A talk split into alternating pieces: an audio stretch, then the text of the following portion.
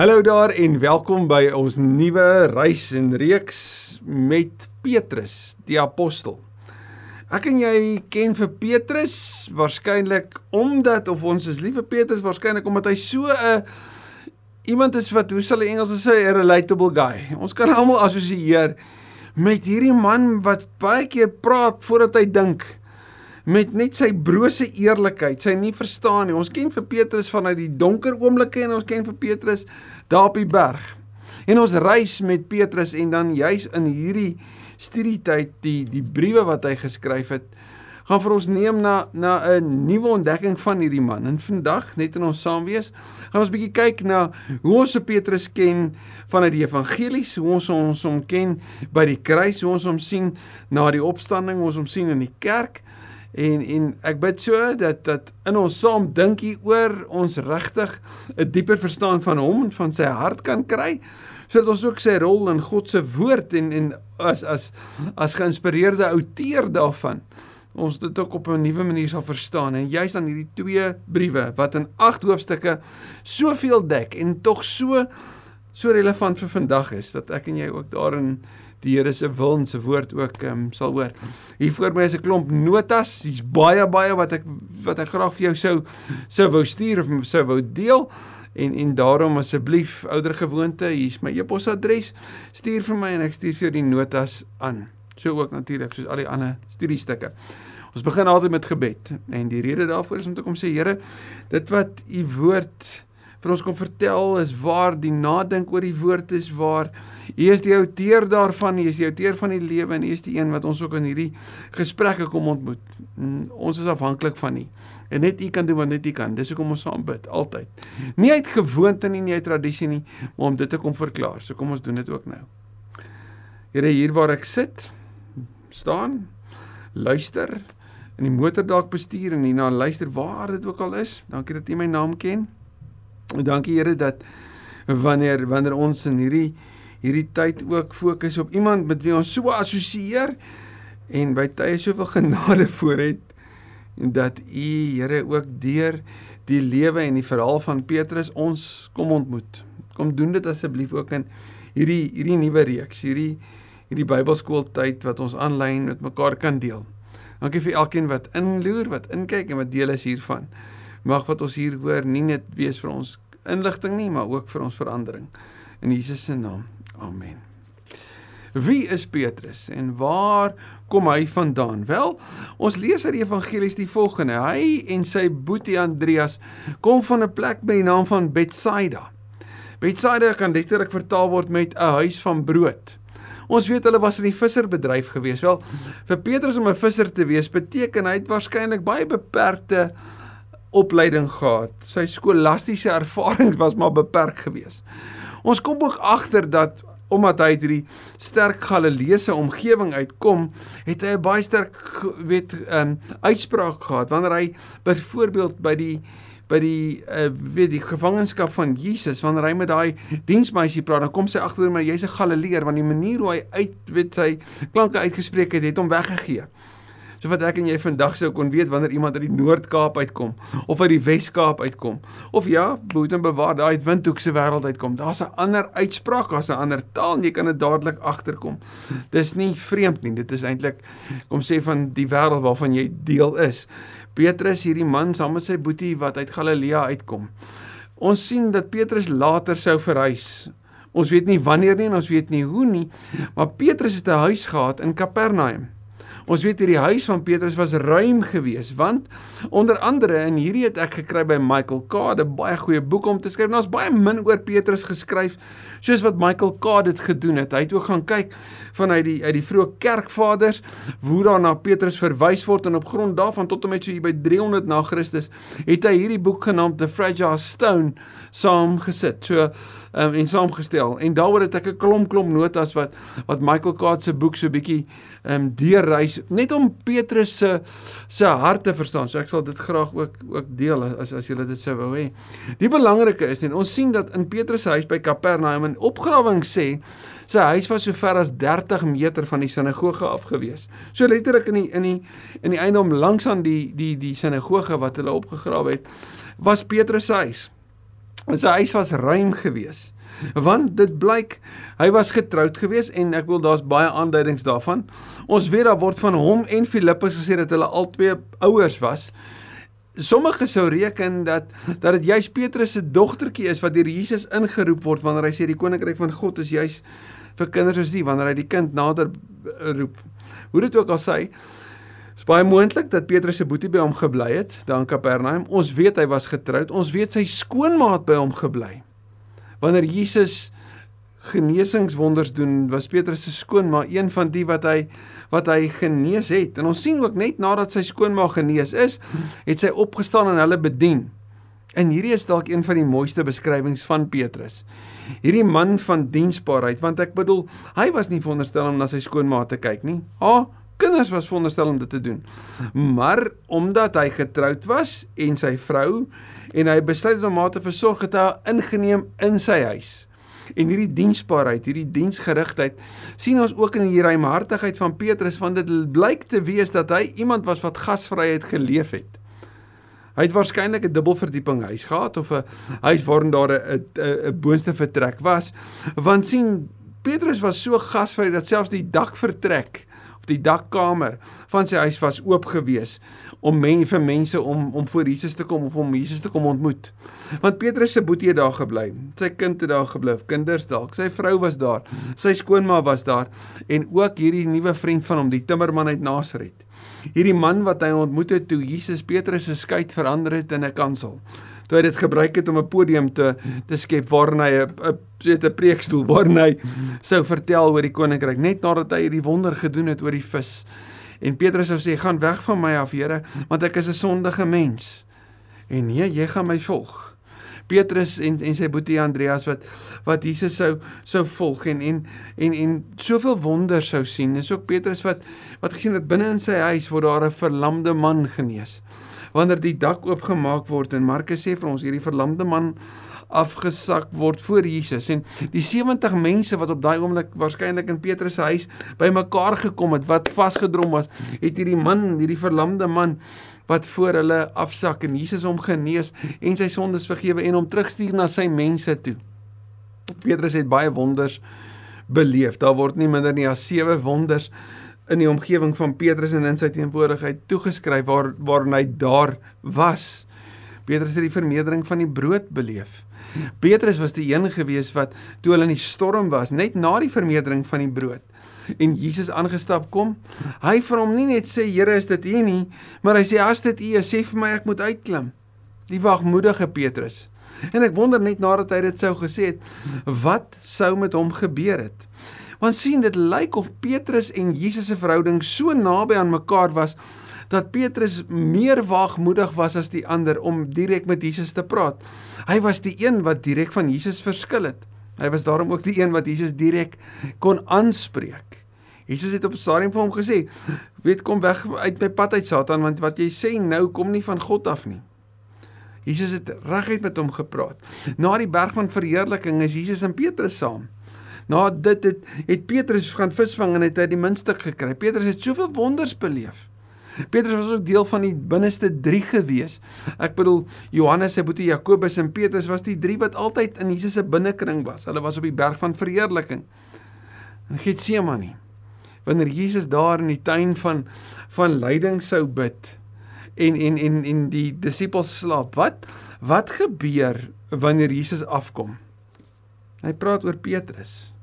Want Petrus was 'n lydende en daarmee bedoel ek nie lang eie nie, nê, figuur al van vroeg af gewees in die groep disippels, maar dan ook ter voorbereiding vir sy rol in die kerk. En dan die tragedie. Petrus die man wat wat hierdie vriend Jesus met wie hy soveel tyd gespandeer het, soveel gesprekke deur die loop van 3 jaar sou sien soveel wonders sou sien, soveel van geleer het oor die oor die woord en God se beloftes. Kan jy jouself indink hoeveel het hy nie by hierdie kosbare vriend van hom geleer nie? Petrus is die een dat wanneer Jesus gevange neem word, gryp hy sy swaard en kap hy Malchus se oor af maar Jesus genees van Malkus. En Jesus word gevange geneem en Jesus gaan na die binnehof toe. En Petrus staan buite daar by die vuur. Hy is nie soos Johannes bevoorreg om binne in die binneplein te kan gaan nie. Nee, hy is 'n Galileer wat buite staan. En dan sê Lukas vir ons wanneer Petrus en Jesus vir mekaar kyk, hulle maak oogkontak. Dan wys dit die Griekse woord daar is emblepo. Dis wanneer wanneer jy na iemand kyk en jy dieper verstaan. En wanneer Jesus na Petrus kyk, dan is dit Petrus se ontkenning is nie omdat Jesus hom sien en sê hoor ek het gesien hoe jy hoe jy my ontken nie, is van ek het gesien en ek het begryp. Dis wat emblepo beteken om 'n dieper dieper verstaan te kyk. En Jesus kyk vir Petrus. En wat gebeur nadat Petrus se derde keer Jesus ontken in die haan kraai? Dan staan hy bitterlik gehuil. Petrus, hierdie man van absolute rou wat nie verstaan het nie, van berou. Hierdie man wat rou eerlik was en en en en soveel vra en en nie verstaan nie het oor oor hierdie vriend van hom wat hy gesien het wat wreed geslaan en aangerand as 'n doringkroon gekry het homself oorgegee het om gevange geneem te word. Hoe kwaad moes hy nie vir Judas gewees het nie. Wat sê nou Jesus en en en en weet hoe Jesus sterf. Petrus wat wat wegkruip saam met die disippels, die ander is die een wat hoor maar gaan sê vir my disippels, my broers en vir Petrus, sy naam word uitgesonder dat ek opgestaan het en dat ek op pad is na Galilea toe. Petrus hoor die goeie nuus. Petrus is getuie, eerste getuie is van die opstanding. Petrus sal sê ons het self gesien, ons het self beleef dat God goed is. Petrus is die een wat na die opstanding radikaal verander. Hy begin begryp en insig te hê oor waaroor dit gaan. Petrus is die een wat vir Markus inspireer met die storie van die evangelie sodat Markus sy evangelie vertel en beskryf. Na die opstanding is Petrus die een wat 'n leidende figuur in die kerk speel. Na die uitstorting van die Gees is Petrus die een wat op Pinksterdag praat. En Petrus vertel die stories van God. Hy vertel die lang verhale soos wat ons ons dit in die Ou Testament sou kry en hy herinner hulle aan die heilsgeskiedenis van die Here en die belofte van Christus. En wat het jy nodig om te doen? Bekeer julle. Bekeer julle en glo die evangelie. Glo die goeie nuus. Petrus Die een wat gesê het ek ken hom nie, is die een wat sal sê julle moet besluit wat julle sou besluit. Maar wat ons dan betref, ons kan nie stil bly die kaja vas. Ons kan nie stil bly nie oor hierdie goeie nuus van Christus en en van van die opstanding en van die feit dat hy leef. Ons het met ons eie oë dit gesien. Ons kan nie stil bly daaroor nie. En dan sien ons hoe Petrus wanneer die kerk ontplof in die antieke wêreld ingaan, hoe hy in sy leidende rol in die gemeente ook gestuur word, hy en Johannes om te gaan kyk na wat is aan die gebeur onder die heidene. En dan kom hy terug met hierdie verhaal en jy kan Handelinge dit gaan lees, gaan sien gerus hoe Handelinge 10, Handelinge 11, hoe Petrus vertel van sy ontmoeting van Kornelius. Hoe die Here sy wêreldbeeld so breek Want Petrus se vorige verstaan van wat rein en onrein is, al hierdie wettisisme waaroor Paulus hom ernstig aanspreek gaan kyk maar in Galasiërs, nê? Nee? En hoe Petrus later oor Paulus sou sê maar eh, Paulus het het het, het moeilike goed geskryf, maar jy moet dit hoor en jy moet dit verstaan en jy moet gaan nadink daaroor. Petrus is die een wat wat in in die in die groot vergadering in Handelinge 15 die een is wat saam met Jakobus leiding neem en en dan neem die vergadering 'n so groot besluit wat jou en my die voorreg kan gee om op die manier wat ons vandag die Here dien te kan doen van daai vergadering se besluit af. Wanneer daar gestaan word hulle moet seksueel rein wees. Hulle moenie vleis eet wat aan afgode geoffer is nie en ook nie bloed drink nie. Dis al verder geen van daai wette nie. Jy van daai 613 wette wat die Jode gehad het nie. Niks. Wees lief vir die Here, gaan dien hom en dis al. Hou julle daarby en vandag, vandag staan ons nog daarop. Petrus die een wat en so word dit later aan hom toegeskryf leier geword het in in in in Korinte. Petrus het uiteindelik by Paulus eindig in Rome. En so skryf die kerkvaders soos Eusebius en ander oor hom. En Petrus aan hom word toegeskryf dat toe hy die dag net voordat hy doodgemaak is, so sy vrou ehm um, weet doodgemaak sou word en vervolg sou word op pad na die brandstapel toe of na pad na die plek toe waar sy haar lewe sou gee. Toe sê hy met vreugde vir haar dat die koninkryk wag vir jou en ek is binnekort by jou. Met vreugde het hy dit uitgejubel oor sy vrou. Die vrou wat saam met hom soveel sendingreise was, soveel belewennisse gehad het. Hy sê vir onthou wie vir jou wag.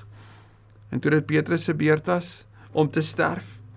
Toe hulle hom wou kruisig, toe sê hy asseblief moet my nie kruisig soos wat my Here gekruisig is nie. Ek is nie dit werd nie. En daar word vertel dat Petrus onderste bo gekruisig is en sy lewe so oorgegee het in die hande van die Messias, in die hande van sy vriend, in die hande van die een wat hy geken het, in die hande van die een wat wat hom gehelp het om te verstaan wie hy is, die die Here van die wonders, die Here wat die gekruisigde is, wat sy lewe gegee het, die Here wat opgestaan het, wat sy gees uitgestort het, die Here wat weer kom. En dan in hierdie verstaan van Petrus se lewe en hoe sy kop so geskuif het, hoe hy soveel nuwe insigte oor die loop van sy sy wandel met Jesus um, ontdek het en in gekry het. So begin hy dan 'n brief skryf vanuit Rome vir die vervolgde kerk. Dit word gedateer so in die jaar 60 tot 64 na Christus. Sommige sou sê 64 na Christus het het, het Nero so intense vervolging van die gelowiges daar in Rome gebeur en Nero is uiteindelik in 68 dood. So dis ten minste voor dit, dit weet ons. So tussen 60 en 68, maar die datering is nader aan 60 tot 64 na Christus. Waarvoor skryf hy? Hy skryf vir gelowiges in die diaspora. Hulle wat uit uit Jerusalem uit beweeg het toe die vervolging uitgebreek het.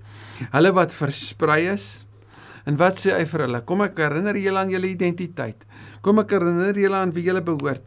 En so in hierdie tyd terwyl julle lyding beleef, hier is waarheid vir julle. Hierso julle in verhoudings leef teenoor die staat, teenoor jou werkgewer, teenoor man en vrou, teenoor die kerk en by die huis. Dis so julle dit moet doen. Julle moet bereid wees om 'n antwoord te gee oor die hoop wat in julle leef aan elkeen wat van julle 'n verduideliking eis. In 2 Petrus vat hy dit verder. En waarmee eindig hy? En dis die reis waarby ons gaan stil staan in hierdie volgende 8 plus weke hier op die in hierdie Bybelskool. Waarmee eindig hy? Met hierdie hoopvolle einde dat God nie die vervulling van sy belofte uitstel nie. Maar hy wil nie dat iemand verlore gaan nie. Petrus, die man wat dit gesien het, hoe Jesus uitreik hoe Jesus ander innooi, hoe mense gered word, hoe mense op God se radarskerm is, dat die koninkryk juis bedoel is vir dat ons ons kinders moet word vir die gebrokenes, vir die verstotenes. Petrus, die een wat gesê het geld het ek nie, maar die naam van Jesus staan op en loop. Petrus wat wat in die tronk was ter wille van die evangelie. Petrus wat die kragvolle dade van God beleef het. Sy hart blyk net soos sy vriend Johannes wat aan die einde van Openbaring dieselfde sê. Die Gees in die bruid sê kom. Petrus eindig met hierdie belangrike appel. Dat is nog tyd. Hoor die evangelie, glo die evangelie en word gered. Wil jy nie saam met ons reis nie? As ons so vir Petrus ontmoet, wil jy nie opnuut verstom staan oor wat die Here met hierdie visserman gedoen het? Toe hy hom geroep het en sy lewe vir altyd verander het hoe hierdie Petrus uiteindelik die die rots sou wees waarop die belydenis dat Jesus die Here is, dit wat hy daar in Caesarea Philippi vir Jesus gesê daar in Handelinge 9, ag in Lukas 9. Hoe dit die basis geword het dat Jesus die Here is van die kerk. En wanneer Petrus na homself verwys, dan sê hy nie ek is die rots nie. Ek bedoel Petrus het soos 'n klip gesink, nê? Nee? Ek bedoel dis dis wat hy weet van van sy eie geloof. Maar wat sê Petrus? Ons is almal lewende stene en ons moet ons laat opbou tot 'n tot 'n huis wat wat vir God aanneemlik is waarin hom weet waar hy geëer word.